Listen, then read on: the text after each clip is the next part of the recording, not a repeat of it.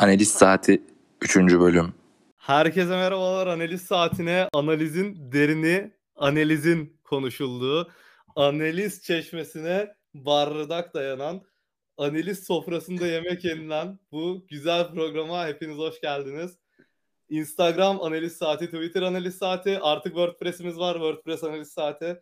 Arda nasılsın? İyiyim abi. Öncelikle bu analiz tekerlemesini Türk diline kazandıracağız gibi geliyor. Girişte özellikle kullandığımız analizin derinine analiz denmesi ve analiz çeşmesinden fıçı içilmesi gibi bir şeydi. İyiyim abi. Yoğun bir hafta. Ee, hafta arası çekimi. Böyle şey olur ya Ayvalık, Ayvalık tarafında yaşlılar falan böyle çeşmeye gidip damacana dayar ya aynen öyle. Çeşmeden Gibi. damacana analiz. Gibi gibi. Ama ben fıçı analiz şeyini deyimini daha çok sevdim gibi ya. Abi gibi demişken yeni bölüm geldi. Geldi geldi ya. Ee, ya dö- 4.8 tekvando kursu hakkında, tekvando şovu hakkında ne düşünüyorsun? Abi benim şu anda bir tekvando, tekvando şovuna ihtiyacım yok yani. Ya vallahi ben şu an olsa hiç hayır demem ya. Çok e, şey bir zor, zor bir hafta geçiriyorum. Bir e, tekvando şovu keyfimi yerine getirecek az şeyden biri olabilirdi bu hafta. Abi hemen öncelikle sana geçmiş olsun dileklerimi iletmek istiyorum.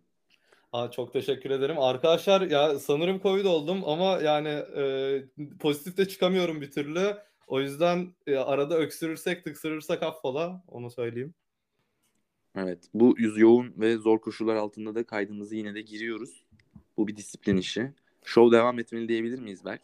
Parti asla ölmemeli abi. Parti asla ölmemeli. bu parti O zaman yavaş yavaş e, bir e, son son bir şeyi alacağım ya. Haftan nasıl geçti? Bu hafta sen de bir talihsiz bir sıkıntı yaşadın. Bir ona girelim ondan sonra girelim kayda. Ya öyle dün benim de antrenmanım vardı akşam. Ee, hava çok sertti. Yağmurlu ve kaygan zeminde. Antrenman sonlarına doğru havada bir çarpışma ve bilekte bir şişim gözlemlendi. Buz tedavisi uyguluyoruz ama bu cuma da bir futsal maçı var. Ona kadar geçmesini umuyorum ama belki de geçmemesi en hayırlısı. Çünkü ya sana ku- questionable mu demeliyiz, day to day mi demeliyiz peki? Pardon duyamadım. Bir daha söyler misin? Sana questionable mu demeliyiz, day to day mi demeliyiz abi? Ben şu anda evet questionable kesinlikle. Ama yine de derin liglerde e, düşünülmeli. Kesinlikle. Kesinlikle. slot varsa düşünülmeli. Bir slota stash ya. Slota stash. Evet. Arda Premier Lig'le başlayalım o zaman. Abi Premier Lig'e girmeden önce sadece Aa, bir şeye değinmek istiyorum. Tabii Ee, ki. tadım kaçtı biraz bugün. Ee, Atletik'te bir okuduğum makale üzerine yaptığım birkaç araştırma. Ee, Yunanistan futbolundan gireceğim bugün. Supro Lig ya da bu tarz bir ismi vardı tam emin değilim. Makro Lig de olabilir. Ee, Aris PAOK maçı Şubat ayının başında oynanacak bu maç. Selanik derbisi. Makro Ee, Lig olsa biraz kalın olurmuş. Hoşuma gitti lig ismi. Makro Lig. Bir de Megalo İdea var. Bilir misin? Abi bilmiyorum. Bana anlatır mısın? bütün bu Yunanları tek bir şey altında toplama. Dünyadaki Yunanlar gelin birlik olalım ve bu tarz bir idea yani. Megalo Pansla, idea. panslavizm gibi bir şey yani aşağı yukarı. Evet doğru. Çok büyük, büyük bir e, güzel bir analiz. bu Selanik derbisi abi. e, neyse bir çocuk vefat etti bugün ya da dün. 19 yaşında.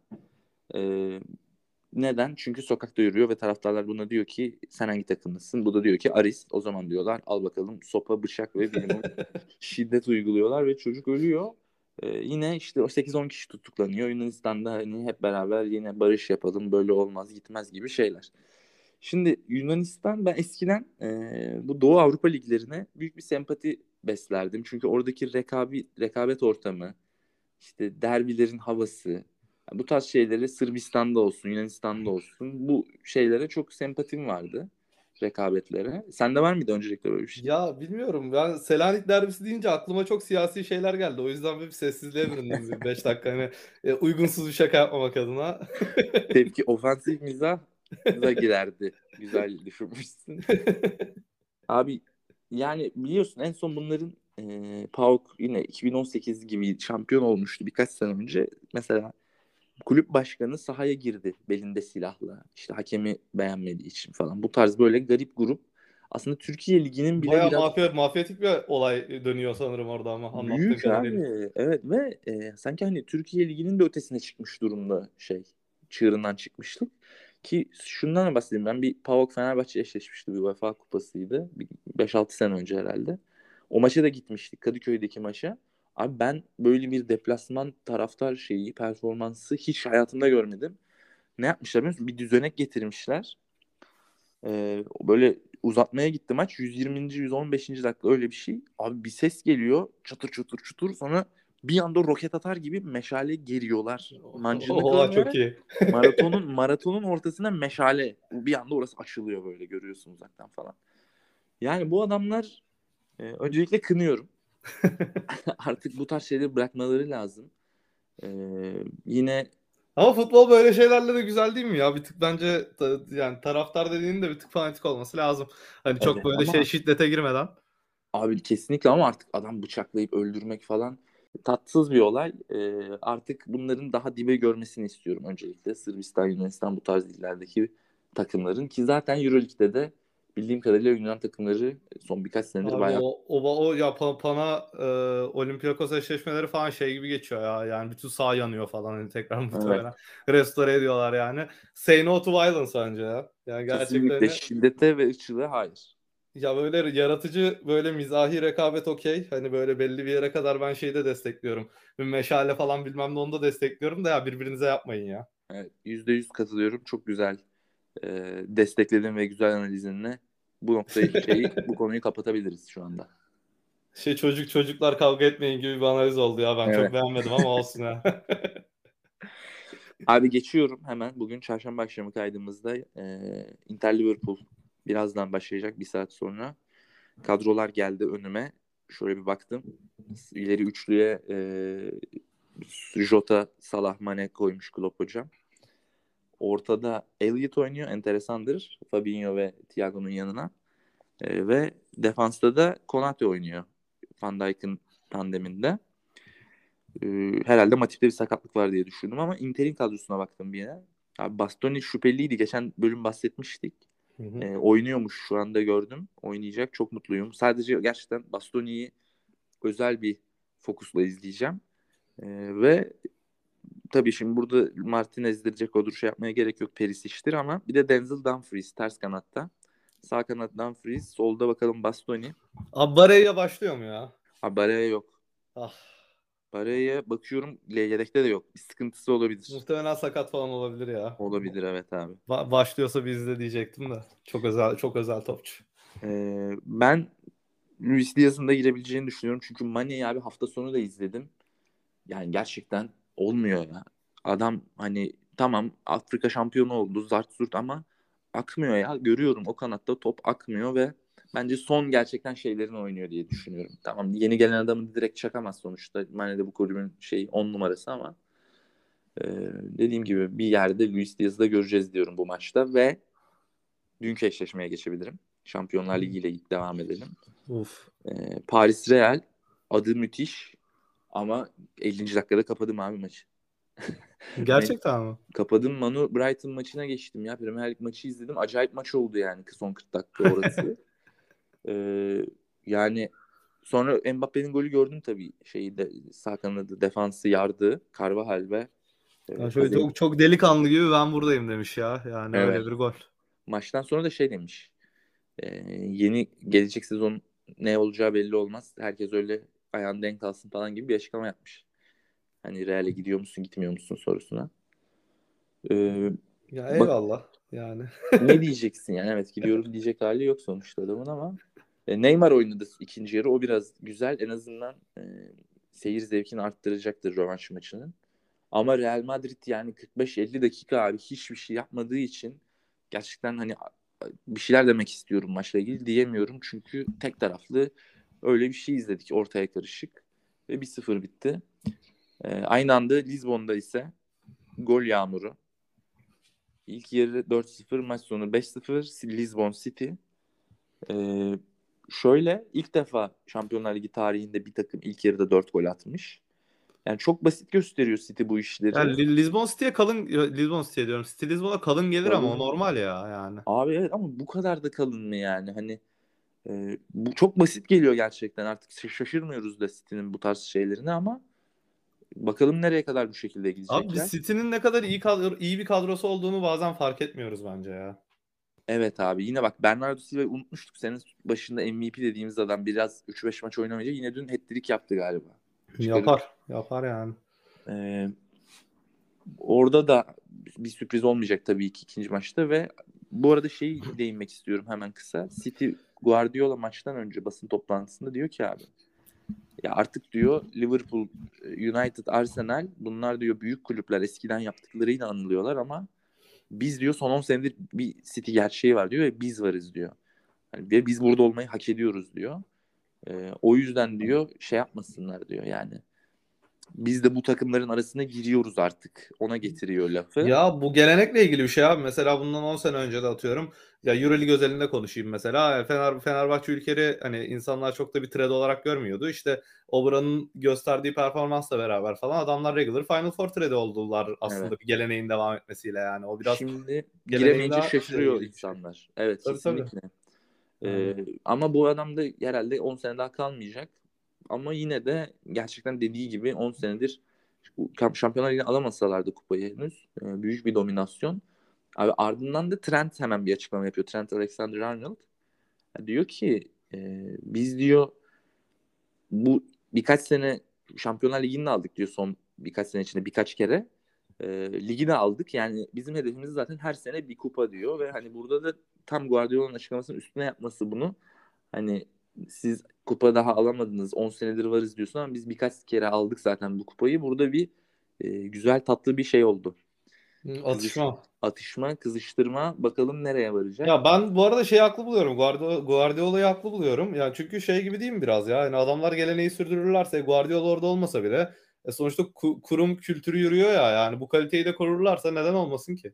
Evet abi çok doğru ama mesela e, senin dediğin örnekten gideyim. Obradoviç gidince nasıl dağıldı Fener'in şeyi basket. Ama ya bütçeyi de kıstılar orada. Doğru eş zamanlı oldu şimdi. Eş zamanlı oldu yani. O yüzden de biraz şey e, bence o kaliteyi korurlarsa yani sonuçta ona uygun teknik direktör de bulunur. Ona uygun futbolda oynanır gibi Evet. geliyor bana. Bilmiyorum. Yok doğru. Son eşleşme bu hafta Şampiyonlar Ligi Red Bull Leipzig Bayern Münih. E, sadece şunu bir söyle biraz bakabildim. Bayern Münih bu sene çok takip etmiyorum ama 22 maçta 70 gol atmış ligde. E, Leipzig'de Avusturya Ligi'nde Leipzig diyorum. E, Salzburg. Red Bull Salzburg'da Avusturya Ligi'nde e, lider ama gol yemeli. Güzel üstlü müsabakaları olmuş. Yani bu maçtan çok gol bekliyoruz. Ve Şampiyonlar Ligi defterini de kapatıyorum abi. İzninle. Hadi bakalım abi. O zaman bir haftalık maçlara bir de FPL'ye abi bizim için bir e, analiz atar mısın? Evet küçük dokunuşlar yapalım o zaman. Ee, geçtiğimiz hafta sonu şeyi izleyebildim öncelikle. Burnley Liverpool'u. Burnley Liverpool yani Burnley deplasmanının hakkı isim, isim haklarını sonuna kadar yansıtan bir maç oldu. Full kapalı birkaç gol kaçırdı Burnley. Liverpool bir türlü açamadı kilidi. Ee, bunda Firmino ile Mane'nin de çok büyük etkisi var bence ama e, kornerden Fabinho'nun attığı golle kazandılar. Fabinho'ya değinmiştik yine geçen kaydımızda çok formda diye. Abi Fabinho bu sezon 5 gol atmış. 2 ayda, 2,5 ayda. Enteresan bir istatistik değil mi? Harry Kane'den fazla atmıştır bu sezon. Harry Kane, Ronaldo ve bilimum golcüler yani. Şaşırttı. Harry Kane demişken Harry Kane demişken eee Tottenham sempatizan olduğunu belirtmiştin ve soru geldi bize. Sempatizan e, ağır bir itham. Ben Öyle sadece mi? bir taraftarım. Son sonuçlardan sonra böyle bir açıklama yapma gereği hissetti sanırım. Eee dinliyoruz, Gizliyorum dinliyoruz. Soru şuydu. Neden Tottenham? Gibi bir soruydu. Ya neden e, Tottenham neden böyle bir loser camianın taraftarısın e, Evet. diye bir soru gelmiş Hal- Halilovic'ten. Öncelikle bizi dinlediği için teşekkür ediyoruz. İlk sorumuzu sorduğu için de tebrik ediyoruz. Bu bizim hafızamızda her zaman kalacak. Teşekkürler Halilovic. Ya önce abi ben e, FM oyuncusuyum ve hani bunu çok uzun yıllardır sürdürüyorum yani ben yaklaşık kaç senedir işte yaklaşık 20 senedir falan FM oynuyorum. Hani bunun e, yaklaşık işte bir e, 4 5 kaç 2000 2014'ten 2015'ten beri de bunu multiplayer olarak yapıyorum. Yani hani şey diye artık single oynamıyorum Ee, ve FM'de benim en çok aldığım takım Tottenham. Yani e, şey olarak ben ben e, işte Türkiye liginde şimdi hangi tarafta hangi takım taraftarı olduğumu söylemeyeyim de. Hani e, Türkiye liginde falan oynamadığım zaman benim en çok aldığım takım Tottenham. Önceden Jermaine Defoe'ya olan sevgim yüzünden alıyordum. Ondan sonra e, bu 2014-2015'ten sonra multiplayer oynamaya başladıktan sonra da bir e, yani Premier Lig'in top 4'ünde olmayan ve hani onun böyle aşağısında olan takımların e, bir iki tanesini, üç tanesini alıyorduk. Hani orada da bir e, Liverpool, e, Tottenham, Everton gibi bir üçleme geliyordu o zamanlar. Tabii sonra Liverpool aldı başını yürüdü ayrı konu da. Ee, işte e, Tottenham Liverpool'lar, Tottenham Everton Liverpool'lar falan filan öyle öyle devam ediyorduk. Hani bu işte Nabil ve Emterelib'in tek Seyli Musa Dembele'nin olduğu, e, Aaron Lennon'un ve Soldado'nun olduğu muazzam zamanlardan işte e, bu Şampiyonlar Ligi finali gören zamana falan ben her sene bir Tottenham'ın başına geçiyorum genellikle. Hani ve bundan da çok keyif alıyorum artık böyle Harry Kane e, son hükmüm falan benim evladım gibi oldular bir noktadan sonra yani. Çünkü beraber uyuyoruz, beraber uyanıyoruz adamlarla. Bir de öğrenciyken falan mesai gibi oynuyorduk yani böyle. İşte sabah başlıyorduk bir 8 saat atıyorduk, bir akşam bir yemek yiyorduk falan, bir akşam bir 8 saat falan daha atıyorduk böyle deli gibi. Hani öyle olunca şeyden yani ne bileyim işte anamdan babamdan işte e, eşimden çok e, Harry Kane'i falan görür oldum bir noktadan sonra. O da beni e, kanlı canlı bir taraftarlık durumuna etti yani böyle İngiltere'ye gittiğimde e, İngiltere'ye Londra'ya gittiğimde ilk gittiğim yer falan bizim stat falandı yani böyle saçmalık yani hani böyle Türkiye Türkiye'de e, White Hart Lane'i benden daha çok seven az insan vardır onu size söyleyebilirim ama. Abi yeni stadına da gidersin belki. Önce çok övüyorlardı ilk açıldığı zaman ama. Ya abi vallahi yeni stada da gitmek istiyorum ama ona ben şey yapamadım. Ben yetişemedim. Bir daha bir İngiltere'ye gitmek lazım da arada çok mümkün de görünmüyor ya. o da doğru ekonomik olarak ve e, Covid de bir etken şu anda ve bunların Brexit muhabbeti de aslında işleri bayağı zorlaştırmış bildiğim kadarıyla. Seyahat o da var gerçekten. O da var. Bir de biraz düzgün top oynamaları lazım abi. Gidip gideceğim Wolverhampton maçını 2-0 yenilecekler içeride yani. Evet evet abi. Evet kesinlikle. Yani, yani şu anda yani. gidip çok da öyle bir izleyesi de gelmiyor insanın yani. Onu evet. da ekleyeyim. Ama Halil Hoca sorusu için teşekkür ediyorum. Nedeni de bu, bu yani altta yatan öyle söyleyeyim. Abi çok güzel açıkladın. Ee, Tottenham'a yani sen değindin zaten. İyi de top oynamıyorlar. O yüzden şimdilik Allah şifa versin diyoruz. Ee, önümüzdeki hafta Manchester City ile oynayacaklar. O gerçekten yani City'nin formunu da düşünürsek bakalım ne tür bir skor, ne tür bir oyun izleyeceğiz. Ee, birazcık fanteziye değineyim. Sonra da e, basket şeyimize geçelim bölümümüze. Fantezide de abi e, önümüzdeki fikstürlerde City'nin inanılmaz bir fikstürü var. Yani direkt 3 City'liyi dolduruyoruz. Liverpool'un inanılmaz bir fikstürü var. E, bir sonraki hafta boş geçiyorlar ama yine de e, 3 yedeği çekersiniz 3 kişiyi yedeğe. Oradan da bir 3 doldurduk abi. Ee, benim önerim Arsenal olacak. Yine bu hafta ve sonrası için. West Ham United'ın güzel fikstürü var. Southampton'da abi e, çok avantajlı. Önüm bir 5-6 hafta bu takımlardan böyle bir iki topçular. İşte West Ham'da zaten Bowen e, olması zorunlu olan bir isim. Belki defansa bir takviye olabilir. Yine Southampton'da Che Adams çok formda. El Yunusi ortada çok formda. James Ward-Prowse çok formda. Ee, ve Game 2 hafta sonrasından itibaren de yavaş yavaş Chelsea'ye böyle bir yükleme yapacağız. O yüzden bunu da düşünerek bir kadro yapılabilir. Şimdi çipler çok kullanılacak. Bu hafta Liverpool'un iki maçı var. İçeride Norwich ve Leeds'le oynuyorlar. Yani büyük ihtimal herkes Salah'ı e, triple captain yapacağını tahmin ediyorum. Fakat şunun unutulmaması lazım. E, Liverpool bugünkü Inter maçıyla beraber önümüzdeki 8-9 günde 4 maçı çıkıyor abi. Inter, Norwich, Leeds, Chelsea. Dördüncü Chelsea maçı e, İngiltere Kupası finali. O yüzden burada bugün de başladığını düşünürsek Salah'ın bir şey yapacak Klopp. Bir şekilde dinlendirecek bu adamı.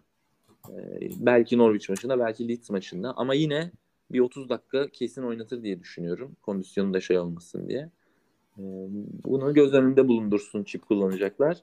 Küçük liglerinde e, çok üst sıralarda olmayan ama iddialı konuma gelmek isteyenlere de e, Trent Arnold veya Robertson triple captain'ı e, denenmesini öneriyoruz. Bunun dışında Arsenal'in yine double game week olduğu için yine orada bir şoklamaya gidebilir. Tierney veya Lacazette alınıp denenebilir.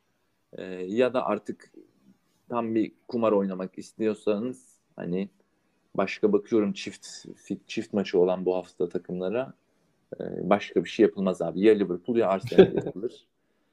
E, deyip fantazi defterini de kapatıyorum ve dilersen basket sekansımıza geçebiliriz. Ya ben son bir e, soru sorabilir miyim? Fantasy defteri kapanmadan önce. Abi bir Neil Mopay hakkında ne düşünüyorsun? Brighton Albion. Abi Brighton çok iyi top oynuyor. Yani dün Manchester Neil Mopay galiba bu arada yanlış okudum da. yani ben Möpe diyorum ama o da te- televizyondan duyduğumuz kadar. Şöyle çok iyi top oynuyorlar. Möpe de bu takımın forveti ama Abi işte dün mesela bir adam atıldı, e, dank atıldı. Bir anda bütün maçın dengesi şaştı. Hani iş Brighton olunca, söz konusu Brighton olunca şey yapamıyor insan. Güvenemiyor. Ama Eğer... ansızın gelen bir smaç bütün momentumu değiştirir Arda. Kesinlikle öyle. Brighton fikstür, fikstürü de çok iyi biliyor musun? Şimdi iki maç içeride oynayacaklar. Burnley, Aston Villa. Sonra da Newcastle deplasmanı. Yani bu üç maç üç gol olabilir mi Öpe? Eğer fantazi olarak mı sordun yoksa genel olarak mı? Fantazi olarak sordum ya. Ben, ben Möpe'den biraz umutluyum. Möpe diyorum artık. Ee, evet. Umutluyum o yüzden sordum ya. Çünkü hani böyle bir şey geldi bana. Bir formda geldi. Hani iki fixture geldi. Ondan bir e, şey yapayım dedim. Ona da değineyim dedim ufak. Abi çok güzel bir transfer olur. Forvet yok zaten piyasada. Ee, sokakta biri cinnet geçiriyor galiba. Bir korna basılı kaldı. E, forvet yok. Lacazette demiştik geçen hafta. Onun yanına Möpe güzel böyle ucuz çıtır. Bir de Che Adams da denenebilir. Aynı fiyat. Güzel fikstür avantajı. Takım da top oynuyor. Böyle diyelim ve forvet şeyimizi kapatalım. Önerilerimiz. Okeydir. Şimdi bir e, şeye geçelim mi? Basketbol tarafına geçelim mi Arda? Bence geçebiliriz. E, bu haftanın futbol büntemi bu kadar. Ee, nereden başlamak istersin? Ya valla bu hafta Arda biraz gelen istekler ve hani gelen sorular üzerine biraz e, şekillendirdim. E, kendi e, takvimimi diyeyim. E, orada e, bir önce şey atmak istiyorum. Onu tabii kimse öngöremediği için onu başta değil, yani onu başta atayım ve ondan kurtulayım. Ya dün biz ne yaptık ya 76ers'a? Boston Celtics Philadelphia maçı. Maç skorunu söylüyorum abi. Abi 100, 150 70 gibi bir şeydi. Abi 135 87. Hani 48 sayı fark attık. Ya size acayip bir istatistik veriyorum. Adamların attığı field goal sayısı bizim attığımız üçlük sayısından daha az maçta ya. Nasıl yani, outlier? İnanılmaz bir dominasyon ve hani normalde e, normal sezona çok böyle şey yapılmaz bu tarz maçlar bildiğim kadarıyla. Düzeltebilirsin beni. Hani ciddi alınmaz diye düşünüyorum ama ya abi alınmaz evet yani şey de sonuçta hani e, Sixers'la böyle yeni trade yapıldı işte biraz şokta mokta. Ya ama yani Celtics'in şu anki formu inanılmaz. Hani son 3 deplasman maçında Sixers'a 48 sayı fark attık. Nets'e 35 sayı fark attık. Magic'e 33 sayılık fark attık. Ve NBA tarihinde üst üste 3 deplasman maçından 30 plus sayı sayılık farkla e, galip ayrılan ilk camia olmuşuz inanılmaz bir dominasyon ve bir mesaj diyebilir miyiz aslında bu? Bir mesajdır. Ya, mesajdır ve bence yani Derek White takasının aslında ne kadar başarılı bir takas olduğunun da bence göstergesidir. Yani zaten bayağıdır biliyorduk hani o Brad Stevens'ın e, Derek White'a ne kadar böyle deli olduğunu biliyorduk zaten. Hani gerçekten bayağıdır hani o da açıklama yapmış yani. Gerçekten hani yıllardır e, istiyoruz. Çok hani uzun bir de uzunca da bir kontratı var demiş hani bir üç buçuk senelik. Hani onu bu termlerde alabildiğimiz için çok mutluyuz demiş. Hani Stevens gerçekten e, çok iyi bir red yapmış diyebiliriz. Öncelikle onu söyleyeyim. Hani ve hani, takım uyumu da adam geldiğinden beri tak tak tak tak devam ediyor Celtics. E, ve hani Celtics'in şu son 10-15 maçlık performansına herkesin bir bakmasını isterim. Hani öncelikle onu söyleyeyim. Hani burada da tabii ünlü basketbolcu e, Joel Embiid'in bir lafına e, bir e, lafına diyorum bir e, özdeyişine değinmek istiyorum. This is not a rivalry. They always kick our ass diyor. Ee, teşekkürler evet. Joel. Hani, e, yani ben de burada bunu anlatmaya çalışıyordum aslanım. Teşekkür ederim. Ee, bu bunu atıp bir Sans'a değinmek istiyorum. Ee, Sans istedi. Bir Sans at dedi Sinan. A- atamamıştım bayağıdır. Bir Sans'a atayım. Ya Sans abi çok e, güzel bir camia oldu bu sezon ya. Bir hani me- takımın merkezinde böyle bir top 10 oyuncu olmadan hani pek çok iyi parçanın birleşmesiyle böyle iyi bir takım kurdular. Ben biraz Sans'ı şeye benzetiyorum. o 2004 Pistons vardı ya hani Ben Wallace, ben, ben Wallace, Rashid Wallace, Chauncey Billups, Tayshaun Prince işte Rip Hamilton falan hatırlıyorsun değil mi onu? Hatırlıyorum. Bir şey söyleyeceğim. Mehmet Okur orada Detroit pardon. Ee, 2004 mü dedi? 2004'te Detroit'teydi aynen. Tamam. O kadro yani. İşte aynen bu 2003'te muazzam Milicic seçiminin ardından şampiyonlukta şampiyonluğa Evet. oynadıkları kadro. İşte ya orada da mesela çok böyle güzel net parçalar vardı. Ama böyle top 10 bir oyuncuları yoktu ama hepsi gerçekten iyi parçalardı. Hani top 40, top 50 parçalardı. O takıma bir benzetiyorum. Ha bir de bu yani bir yakın tarihten aklıma gelen bir San Antonio Spurs 2014 kadrosu var ya. Şu Real'ına tokatlanan kadro. İşte e, bu da biraz LeBron demedim. LeBron fanları beni öpebilir. Yani Le- LeBron da oynadı da yani şimdi Real'ın attı. E, orada Duncan Parker, Green, Diaw Ginobili kadroları vardı ya onların böyle Evet. işte. 9 tane böyle starter caliber player'ın olduğu böyle hakikaten e, iyi bir kalibrede e, güzel bir kadroydu o da. Hani ya Suns kadrosu biraz ona benziyor. Yani şimdi Suns kadrosuna şöyle bakıyorum. Şimdi e, ya burada değinmem gereken bir 2-3 tane önemli konu var. Ya e, yaklaşık 8 hatta 9 oyuncu 20-25 da 20 20 dakika üstü süre alıyor. Hani Aiton 25-29 dakika arası, Chris Paul 25-29, Booker 25-29. Zaten bu yani takımın ana üzerine kurulduğu üçlü diyebilirim. Aiton, Booker, Chris Paul. Aiton, Aiton, Booker, Chris Paul tabii ya en yetenekli 3 oyuncusu takımın Evet. baktığında. Michael Bridges da sanki yancıları gibi. Michael Bridges de aynen öyle. O da 25-29 alıyor. Sonra yavaş yavaş azalmaya başlıyor. Bu Cameron Johnson var ki ben çok beğeniyorum Cameron Johnson'ı. Hani gerçekten çok böyle tam modern 3-4 e, hani şey gibi The Swinger muazzam geliyor bana Cameron Johnson ve onu çok eleştirilmişlerdi e, ilk pikletlerinde. Hani gerçekten çok iyi yani tam böyle custom tailored bir pick olmuş Cameron Johnson. Çok güzel bence. Cameron Johnson var 25 dakika üstü süre alan. Jay Crowder var 25 dakika üstü süre alan. Torrey Craig e, yani Cameron Payne Cameron Payne olmayınca Alfred Payton hani orada bir değişim oluyor. Onlar da böyle 25 dakika civarı 20 dakika yani Torrey Craig, Alfred Payton, Cameron Payne de 20 dakika civarı süreler alıyorlar. Bunların dışında da bu arada hani Aiton'u yedekleyecek Biyombo'su var, Javal McGee'si var, bir Aaron Holiday var yine yedek yapacak. Yani çok derin hani herkesin dak- dakika alabileceği bir kadro. Yani böyle geçen hafta şu ıı, Indiana takasında söylemiştim hani ya a- hani ne bileyim işte mesela sen hani orada iki numaralar takas edilmişti ya o iki Evet. yani o, onların herhangi birine yani 15-20 dakika var sen kimse neden verdin demez demiştim ya mesela orada. Aynısı böyle mesela e, e, e, yani biz McBiombo için McGee için de geçerli bence. Hani Aaron Holiday için de geçerli. Hani gerçekten iyi bir iyi sağlam bir kadro var ortada. Hani ve Monty Williams gerçekten çok e, iyi bir şekilde yönetiyor bu kadroyu. Ya kadronun şu ağırlığı Booker'da oluyor. Booker yani gerçekten takımın hani ana main, main scoring outlet olduğu çok belli. Tabii Chris Paul'a da burada çok iş düşüyor ama ya genelde şeylere baktığında abi score sheetlere baktığında takımda Booker dışı oyuncuların 9-11 şut arası kullandığını görüyorsun. Çok dengeli. Çok dengeli. Yani gerçekten inanılmaz bir ball distribution. Hani bu, ben bunu genelde böyle Stevens takımlarında görürdük. Stevens da böyle şey aşığı ya, düzen aşığı ya böyle hani işte şu şurada 8 şut 8.5 şut kullanacak falan de. Bakıyorsun adamın statüsünde 8.5 şut kullanmış falan. Hani o, onun gibi bir şey aslında. Hani gerçekten ta, herkes takımın hani main scoring outlet'inin kim olduğunu biliyor. Takımın ana oyun kurucusunun kim olduğu çok belli ve gerçekten çok iyi bir top dağıtımı var ortada. Hani zaten Aiton böyle çok gösterişli bir oyuncu değil ama Aiton çok iyi işini yapıyor.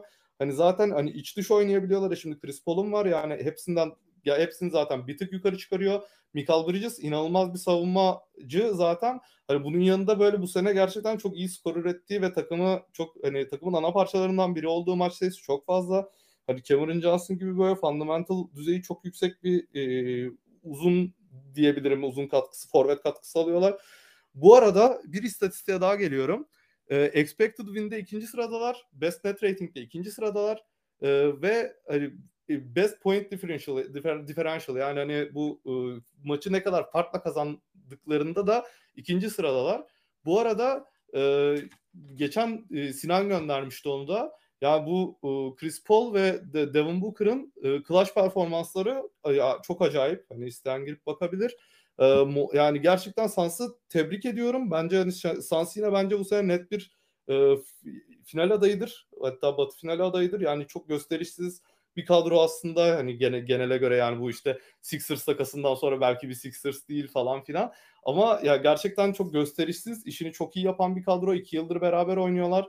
Hani Batı finalinde Chris Paul'un e, hamstringi çekmezse ben net Abi. final adayı olarak görüyorum. Zehirli oku ben at germiştim. Sen attın. O zaman soru cevap bölümümüzde hemen şu an ürettiğim bir soru var Tabii zaten. ki. Tabii ki abi. Şu an 57 maç oynamış e, Phoenix Suns Batı Konferans lideri. Chris Paul kaç maç oynamıştır? Çok güzel soru. Bilmiyorum ya. Ona bakmadım. Dur düşüneyim. Abi 53 diyeyim. Abi 57. Abi şaka yapıyorsun. Hiç kaçırmamış mı? İnanılmaz. Hayır. Her maç. Aa, ya tamam o zaman zaten belli şeyler gelişini önceden belli ediyor. Yani Chris Paul'u Batı finali 3. maçında sağ bacağının arkasını tutarak sekerek turnike atarken görmemiz. Veya yerde böyle hani durun durun gibi. Ben hatırlıyorum öyle hamstringi tutup sol eliyle de. Evet olabilir. Ya inşallah da böyle bir şey olmaz. Şaka Olmaz yapıyoruz tabii ama ki, hani evet. Chris Paul biliyorsunuz hani kritik anlarda hamstringini e, koparmasıyla ünlü bir basketbolcumuz. Hani nasıl böyle Amasya'nın elması ünlüyse Chris Paul'un da hamstring ünlü. O yüzden e, oraya bir dikkat diyelim. E, yani Suns'ı da gerçekten bu sezonki performansına ötürü tebrik ediyorum ve e, bu, bu herhalde Sinan, Sinan'ın bir Suns atın sorusuna da biraz değinmiş olduk. E, abi Mehmet Okur atacağım. Mehmet Okur. Bu da- Ee, Bu da Burak'tan gelmişti. Hani Burak, nostalji. Abi Yani. bir Mehmet Okur dosyası açabilir misiniz dedi bizim KZ Okpala dosyası gibi.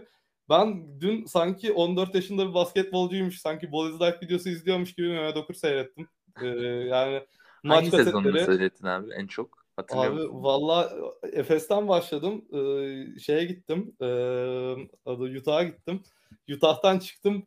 Son New Jersey Nets performanslarını bile izledim yani. Hani böyle şey gibi. Bir de oturdum böyle full maçlardan kesit izliyorum yani. Hani şey yapabilmek için, tam olarak oyunun etkisini falan algılayabilmek için.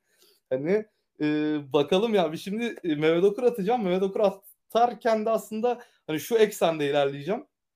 Mehmet Okur'un bir kariyer başı o kariyerinin ortasında Mehmet Okur nasıl bir oyuncuydu? E, Mehmet Okur'un geliştirebildiği, geliştiremediği, adapte ettiği yani o zamanki oyun tarzı da dahil özellikler ve e, Mehmet Okur aslında şu anki günümüz basketbolunda oynasa nasıl bir oyuncu olabilirdi? Müthiş bir outline. Girelim Bence abi. böyle başlayalım. Ya zaten şey tarzı ya Mehmet Okur işte Bursa doğumlu. E, 4 yaşında basketbola başlıyor. Çok çalışkan bir adam. E, işte kalecilik yapmış altyapılarda. Tofaş'ta oynamış. Ondan sonra işte Efes'e gidiyor. Sonra Detroit'e gidiyor ikinci tur 38. sıra seçimi. İşte bir sene Efes'te oynuyor. Sonra tek, tek- tekrar Detroit'e dönüyor. Ondan sonra Detroit'teki ikinci sezonunda şampiyon oluyor. E, Utah'ta oynuyor. Zaten bizim hatırımızda kalan en güzel performansları Utah'ta oluyor. Yani kariyerinin prime'ını oynuyor Utah'ta. Ondan sonra bir Batı finali oynuyor. All-Star oluyor 2007'de. Ondan sonra bir Indiana Pacers'a 43 sayılık remarkable performansı. Utah'ta yıllık 50 milyon dolarlık bir kontrata imza atıyor gerçekten. Çok iyi bir kontrat zamanına göre. Ee, bir in- ya bir e, bel sakatlıklarıyla uğraşıyor Utah zamanı. Ondan sonra 2010'da bir Achilles tendonu koparıyor. İki, Achilles tendonunu kopardıktan sonra zaten kariyeri direkt downfall'a giriyor Mehmet Okur'un. Yani sonra tekrar bir e, şeyde oynuyor. Pardon. Tekrar bir Utah'da oynuyor. Ama yani bir ciddi bir şeyleri düşüyor yani istatistikleri düşüyor. Sonra New Jersey Nets'te son bir kontratını imzalıyor. Aslında Demarcus Cousins'a benzer bir kariyer düşüşü diyebilirim Mehmet Okur için. Bir kariyerini de özetleyeyim dedim. Şimdi hiç kariyerinden bahsetmediniz demesinler bize burada diye. O zaman bir Bence güzel Derin bir analiz- oldu. Abi, derin analize başlayalım mı abi? derin analize başlayalım. Ben sadece Mehmet Okur'la ilgili ilk şeylerimi anlatmak istiyorum. Küçük bir şey olacak. Tabii Ben ki. Tofaş'tayken hatırlıyorum abi. O Tofaş'ta işte 98-99 zamanı benim de hani baskete en çok böyle herhalde ilgi duyduğum 9-10 yaşlarımdı. Ve Tofaş da o zaman çok iyiydi işte. David Rivers'lar, e, bu e, Murat Muratanoğlu ile İsmet Badem'in anlattığı döneme denk geliyoruz. Ha, İşte bu arada Tofaş gerçekten çok iyi bir takımdı o zaman abi. Seni destekliyorum yani. Onu. Abi şey e, bir for, şeyleri vardı uzun. E, Rashad Griffith vardı. E, yerli de Şemsettin Baş yine Mehmet Okur. E, Alper Yılmaz zaten sonra gidip Efes'in koordinatörü oldu Alper Yılmaz da. Hatta Serkan Erdoğan da o takımda olması lazım. Müthiş bir kadroydu yani ve Ya izlemesi abi. süper keyifliydi. E, Ya bu arada Şemsettin Baş ve Serkan Erdoğan çok iyi guardlardı ya. Böyle şu anki şeye falan rahmet okutur yani. Do- Doğuş Balbaylara falan. Göksel'in Köksallara falan rahmet okutur yani. Teke tek 30'a falan yatırır yani onu söyleyeyim bu arada. katılıyorum. Aslında Murat Evliyaoğlu orada oynadı mı ya? Sanki o da o ekipten gibi ama Şemsettin Baş'a benzettiğim için mi yoksa? Olabilir bir abi. Olabilir. Şemsettin Baş'ı çok severim. Şemsettin Baş severler bir ara buluşalım. evet abi kusura bakma böldüm. Abi tabii ki ya muazzam bir retrospektif bu arada. Ben gerçekten Tofaş kadrosunu bir Eldridge, Meldridge, Şemsettin Baş, Serkan Erdoğan dışında hatırlamıyordum. Çok iyi geldi hatırlamak. Ya bu e, şimdi bir kariyerin başına gireyim. E, ya Mehmet Okur kariyerinin böyle bir şeylerini izledim ben. Hani ilk böyle gerçekten sahne aldığı zamanları bir Euroleague maçlarını falan izledim. Ya abi garip e, ya çok iyi dribbling yapıyormuş ya kariyerinin başında biliyor musun bunu? Yani top sürüyor yani direkt. Uzun uzun bir oyuncu olarak gerçekten yani böyle bir, hani o bir kısa forvet ve center oynayan bir oyuncuya göre zamanına göre harika bir dribbling yeteneği var bence. E, şut stili zaten çok düzgün o zaman da. E, fiziği ya Euro için ya Euro için dediğim yani Avrupa için çok üst düzey. Yani Avrupa'da oynasa muhtemelen dışarıya o kadar açılmazdı size onu söyleyebilirim. Hani çünkü gerçekten çok kalıplı. Hani çok rahat dönüyor sağından solundan. Hani sağ e, taraftan e, bir hook'u var. Çok hoş bir bitiriş onu söyleyeceğim. E, uzun kolları var. Gerçekten çok uzun kolları var bu arada. Yani şey olarak yani size'ını gerçekten belli edecek uzun kolları var. E, offensive reboundlara çok iyi positioning'i var. Yani genç yaşına göre. İnanılmaz iyi duruyor e, hücum reboundu alma konusunda. Hani alıp tamamlama üzerine bir katlar oluyor sürekli dışarıdan.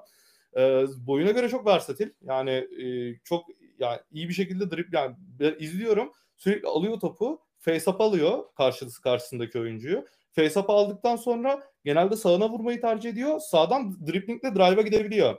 E, zaten şutu var. Şut çekebiliyor. Hani genelde face up'a aldığı için oyuncuları ki o zaman face up'a al, hani alan uzun sayısı çok azdı. Ee, yani step back'i falan filan o zaman tabii NBA'deki kadar iyi değil. Ama ya bunlar da hep var falan. Yani gerçekten çok versatil bir oyuncu. Hepsinin ışığını veriyor yani. Müthiş Onu, paket. O, onları söyleyeceğim. Çok iyi bir paket yani ve hani işin komik tarafı şeyleri izliyorum yani topla nerede buluşuyor'ya baktım biraz. Ee, çok fazla sayıda post-up pozisyonuna e, buluşturuyorlar topu. Yani sürekli Mehmet'i şeye indiriyorlar, posta indiriyorlar, posta Mehmet topla buluşturuyorlar. Ya Mehmet'i öyle kullandıkları için gözüm kanadı birincisi. ya Mehmet orada mı topla buluşur? Allah kitap aşkına ya. Adam hızlı işte driplingi var falan hani katı var bilmem nesi var. Orada mı topla buluşturmayı uygun buldunuz diyeceğim. Ama o zamanın basketbolda öyle bir basketboldu. Şimdi orada topla buluşturup e, ISO açıyorlar. ISO'da da dış katlar oluyor. Hani o yani tam okey uzun öyle kullanılır. Mehmet de onu alıştırmak istemişler ama ben hani kariyerinde o dönüşümü yaşamasının NBA olmasını komik buldum yine de. Onu söyleyeyim. Ya ikincisi ya ben böyle köreldiğini düşünüyorum bir tık Euroleague'de oynayarak. Hani bu Euroleague'de pistin mistin muhabbetleri döndürüyorlar ya oyuncular için. Evet. Ya körelmesinin nedeni de ya şimdi orada posta topla buluşturuyorlar çocuğu. Hani posta topla buluşturuyor ya adam zaten çok fizikli Euro için. Yani atıyor da yani bu arada. İşte dönüyor atıyor, çekiyor atıyor falan. Ama ya NBA'ye gittiğinde o işlerin aslında öyle olmadığını görmüş gibi geldi bana. Hani o çünkü yani NBA'deki oyun stili çok farklı. Ona da gireceğim şimdi. O çok farklı oyun stilini adapte olmasının nedeni de muhtemelen o fiziksel aslında size olarak değil atletik olarak yetersiz kalması ve hani şunu da ekleyeyim Mehmet Okur'u e, ben hani NBA'de de center oynatabilmek için gereğinden fazla kilo aldırdıklarını düşünüyorum Mehmet'e. Mehmet aslında şu anın basketbolunda olsaydı bundan çok daha lean, lateral olarak çok hızlı bir oyuncu olurdu gibi geliyor. Bu kadar kalın olmazdı diyorsun yani. E, tabii tabii sakatlıklarının bir nedeni de bu gibi geliyor. O zaman belki atletik olarak da sıkıntı yaşamayabilirdi diyeyim. Hmm. Ee, analiz, derin analiz hani, geldi şu an. Analiz olabilir bu evet. Ee, bu late kariyerde yani bu e, Utah'ta oynadığı oyundan bahsedeceğim. Detroit zaten bir adaptasyon süreci Mehmet için yani orada da tabii yapabileceklerinin ışığını veriyor ama e, bu Detroit Utah gibi düşünebiliriz bunu. E, ya gerçekten yine iyi bir offensive rebounder oldu kariyerinin devamında da. Shot placement'ı çok iyileşti yani nerede topla buluşacağını çok iyi görmeye başladı. Ve off ball movement'ı gerçekten çok gelişti. Çünkü hani artık dış skorer olarak da oynamaya başladığı için içten dışa attığı katlar, ayağı yavaş uzunları pike takmalar falan filan gelmiş yani. Ondan sonra face-up game'ini çok geliştirememiş ama aslında geliştirmiş de. Yani o zamanın uzunluğuna göre uzunu için çok iyi. Ya böyle man's Dirk gibi oynuyor ya. işte alıyor bir işte bir sağına veya soluna vuruyor e, tek adımda fake'li adam eksiltiyor veya işte küçük bir dribbling atıyor top kaybetmemek için duruyor. Oradan e, fade away'e kalkıyor falan. Güzel, hoşuma gitti yani o zamanın oyunu için güzel hareketler bunlar bu arada. Ee, yine e, ya ben Mehmet Okur'un wingspan'ine bakmadım ama gerçekten iyi bir wingspan olduğunu düşünüyorum. Hani çünkü genelde yani pozisyonları savuşturması, e, savunmada alan kapamasını hep wingspan'iyle yapıyor. Ayakları çok hareketli değil yani gereğinden fazla kilo aldırmışlar gibi Mehmet'e. Onu tekrar söyle, tekrar değineceğim o konuya. E, free throw percentage'ı yani çok yüksek. Onu zaten söylemeye gerek yok yani zaten çok iyi uçtu. E, ya sağ taraftan potaya yaklaştığında sağ taraftan böyle baby hook'u var. Genelde öyle skor bulmayı tercih ediyor. Sol taraftan drive ederken genelde face up'ı alıp sağ taraftan bitirmeye çalışıyor yine. Solu çok kuvvetli değil. Solunu geliştirmemesi bana garip geldi. Bence geliştirebilirdi. Ee, burada yani şöyle söyleyeyim aslında bir fade away var. Hani bu poor man's Dirk Nowitzki dememin sebebi bu. Bir fade away var. Hani dönüp atma var. Çekip atma var. Ama bunlar böyle çok emergence gibi yani. Hani baktı düz şutunu bulamıyor o zaman bir fade away'e kaçıyor gibi. O tarafını bir master edebilirdi. Yani efficient bir şekilde fade away atamıyor. Ee, yine size'ı NBA'de e, bir avantaj onu söyleyebilirim. Hani o boyda bir oyuncunun o şekilde şut atması zaten çok özel bir şey bu arada. Ee, eksilerini söyleyeceğim Mehmet'in bence NBA için. Defensive movement'ı çok yavaş. E, yani wingspan'iyle cover ediyor defensive movement'ta. E, ben hareketlerini Mehmet'in yavaş buluyorum. Biraz e, uyuşuk buluyorum yani letarjik. Hani o yavaşlığının nedeni kilosu da olabilir ama yavaşlığının nedeni mentalitesi de olabilir. Ona bir daha derine inmek lazım. Belki biraz daha maç izlemek lazım ama hareketlerini uyuşuk buldum biraz. E, garip böyle garip uzun orta mesafeler atıyor. Onun da nedeni o zaman, o zaman üçlüye adapte olunmaması olabilir. Ama komik yani gidip üçlüğün bir adım önünden şut çekiyor. Kevin Garnett şutları çekiyor. Evet abi o zaman çok sanki şeydi bu yani. Modaydı yani 2005-2010 arası. Evet. O... Yani komik abi yani onu çekeceğine git bir adım geri at üçlük at falan oluyorsun. Ha, o range'i yani daha kendi range'ini maintain edememiş ama çok derin üçlükler de atıyor bu arada. Yani atamadığı için değil hani şu belki koçu da onu daha uygun gördüğü için atıyor olabilir. Abi ve Mehmet'in kariyerinde kimsenin fark etmediği tek şeyi söyleyeceğim sana ya. Bak bu derin analizdir ya. Dinliyorum. Mehmet Okur'un kariyer boyunca iki asistten yüksek asist ortalaması yok. Asist şeyi yok yani. Çok daha iyi pasör olabilirmiş Mehmet. Acaba takımındakilerden dolayı olabilir mi ya? Şimdi ben o kadroları hatırlamıyorum 2005 Abi takımından dolayı ama... olamaz yani. Takım iyiydi ya. Darren Williams vardı işte. Car- Carlos Boozer'lar, Moozer'lar iyi takımdı yani o da. Hani şey garip. Yani Kirilenko. Sen, Kirilenko falan e, tabii yani orada şunu şunu yaptıramamışlar adama. O çok garip. Adamı 3'e çıkartıyorsun. Şimdi o rakip takımın uzun da onunla beraber zaten geliyor ister istemez. Onda hani orada dışarıdan drive drive'a pasa öğretememişler adama.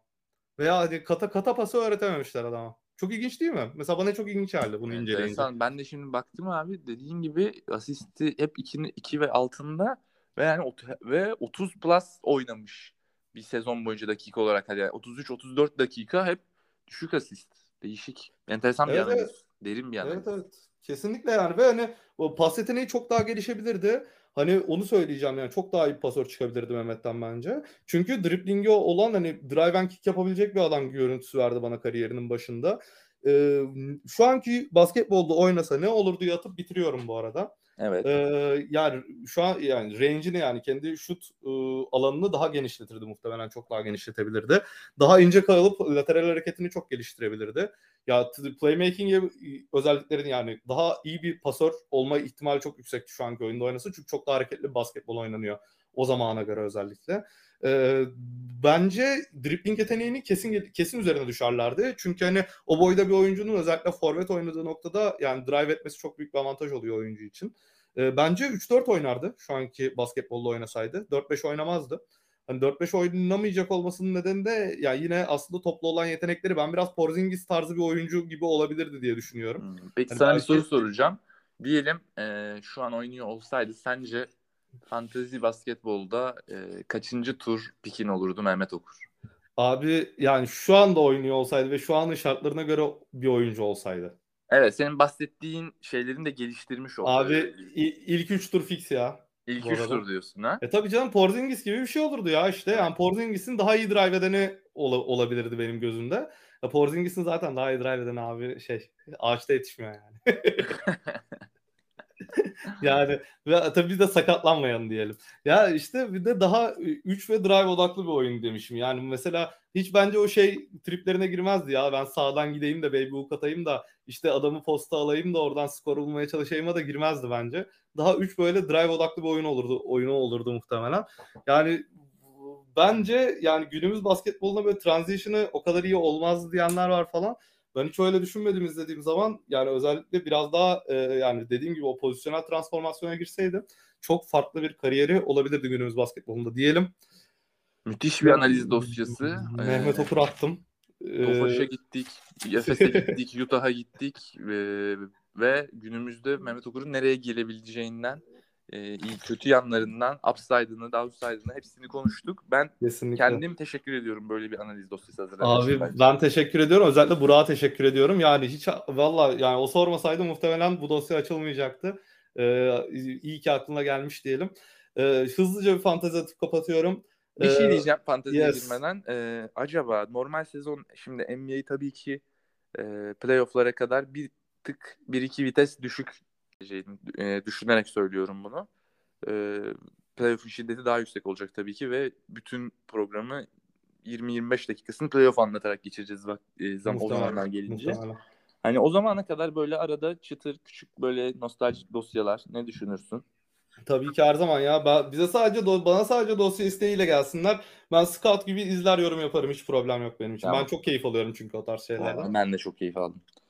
Şu anki mesleğimi yapmasam scout olmak isteyebilirdim bu arada. Ee, bir fantezimi atıyorum şu anda artık bir fantezimi atayım diye. Evet. Biz evet. buraya fantezi atmaya geldik ha. Ya ee, bu bir Wiseman'a bakın. Wiseman 5'e 5 e, oynamaya geri dönmüş. E, tabii benim de aynı ligdeyseniz alamayabilirsiniz. Ama e, 5'e 5 cleared. E, muhtemelen 1-2 haftaya da yani All-Star sonrasında döner Wiseman. E, Oladipo G Lig'e assign edilmiş. All-Star sonrasında Oladipo döner. Onu söyleyeyim. E, bunları bu arada injury stash'iniz varsa direkt atın insanlar uyanmadan. E, Dante DiVincenzo ile Avdia'yı yazdım. Dante DiVincenzo Kings'te iyi süre alacakmış gibi duruyor. Bence Devin Mitchell'ın e, tecrübe eksikliğinden kaynaklı da hani orada açıklık bulacak. Zaten DiVincenzo'nun yaklaşık bir e, kaç dakika diyelim e, bir 30 dakika gördüğü nokta DiVincenzo için yaklaşık böyle bir 3-4 ya 3-4 maçına göre en az 2 steal demek. DiVincenzo'yu kesin headlayın. Avdia çok güzel yani çok iyi percentage'ları var Avdia'nın. Eğer böyle percentage punt falan atmıyorsanız Avdia iyi. Avdia hatta bence böyle Monk falan varsa Avdia için Monk droplayabilirsiniz. Onu söyleyeyim ben bazı liglerde cesaret edemedim ama bu yapılabilir çünkü Avdia'nın son bir 15 reboundlık bir performansı var. Avdia beni umutlandırıyor geleceğe dair. Bu arada Wizards yönetiminin de Avdia için çok böyle umutlu olduğunu biliyoruz savunmasından kaynaklı. Avdia çok güzel et. E, Quentin Grimes, RJ Barrett dönene kadar stashleyin, stashleyin diyorum, streamleyin Quentin Grimes'ı. İyi performans gösteriyor. Daniel Tice ya Boston'daki ilk maçında 4 blok yaptı. Daniel Tice'ı seyredin. E, edlenebilir Daniel Tice. Çünkü bu Rob Williams'ın da bir sakatlık gibi bir durumu oldu son maçlarda. E, son maçta sanırım yanlış hatırlamıyorsam. Hani Tice'ı orada kullanılabilir gerçekten Tice. E, Holmes'u droplayan çok var. Ben Holmes'un yani Holmes'u 25 dakika süre alsa hold olacağını düşünüyorum. O yüzden bir Holmes'un Richard Holmes'tan bahsediyorum. Lindesia Holmes'un oğlundan bahsediyorum.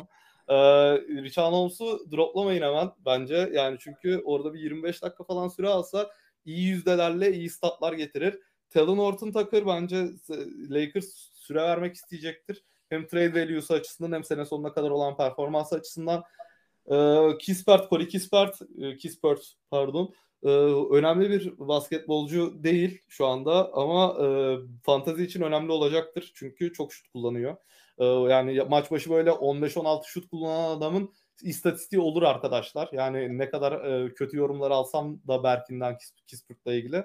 Abi maç başı 15-16 şut kullanan adamın counting statüsü olur hiç yoktan. Kispert. E, Davis Bertans 3'te 3 üçlükle başladı.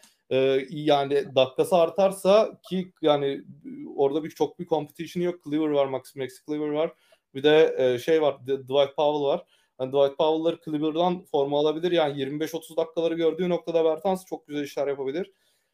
Edler bunlar diyelim. Karis Levert, Karis Levert'e Baylov atın. Ee, önemli bir Baylov trade yapabilirsiniz Levert'le ilgili. Daha kadroda tam e, rolü oturmadı. E, çok iyi istatistikler yakalayamıyor şu an. Orada bir e, şey böyle yağdan çeker gibi Karis Levert çekebilirseniz playoff'ta çok büyük avantaj olabilir. Jackson Hayes ya çok drop yedi bu ara. Ben de dropladım Jackson Hayes'i bazı yerlerden ama son maçında bir 30 dakika aldı hani izlemekte fayda olabilecek. Jackson. Onun dışında Galinari Stream, e, Danilo Galinari iyi performans gösteriyor son zamanlarda. Bir de benim olduğum bazı liglerde Jalen Saks'ı droplayan arkadaşlar var. Ee, onların e, yaptığı hatayı gözden kaçırmayın. Lütfen Jalen Saks'ı droplamayın. Bence e, özellikle late sizin de iyi performans gösterecek. Ben kapattım Arda. Abi ağzına sağlık. Müthiş bir e, fantezi analizi de geldi kaydımızın sonunda. Umuyorum ki herkes notunu almıştır. Arkadaşlar ben şeyi ileteceğim. Lütfen dosya isteği olan, e, herhangi bir sorusu olan, e, bize bir yerlerden ulaşmak isteyenler lütfen Twitter analiz saati, Instagram analiz saati, analizsaati.wordpress.com bize bütün sosyal medyalardan analiz saati ismiyle ulaşabilirsiniz. Sorularınızı, yorumlarınızı, geri dönüşlerinizi bekliyoruz. Buraya kadar dinleyen varsa gerçekten teşekkürler. Hoşçakalın. Hoşçakalın. Analiz saati.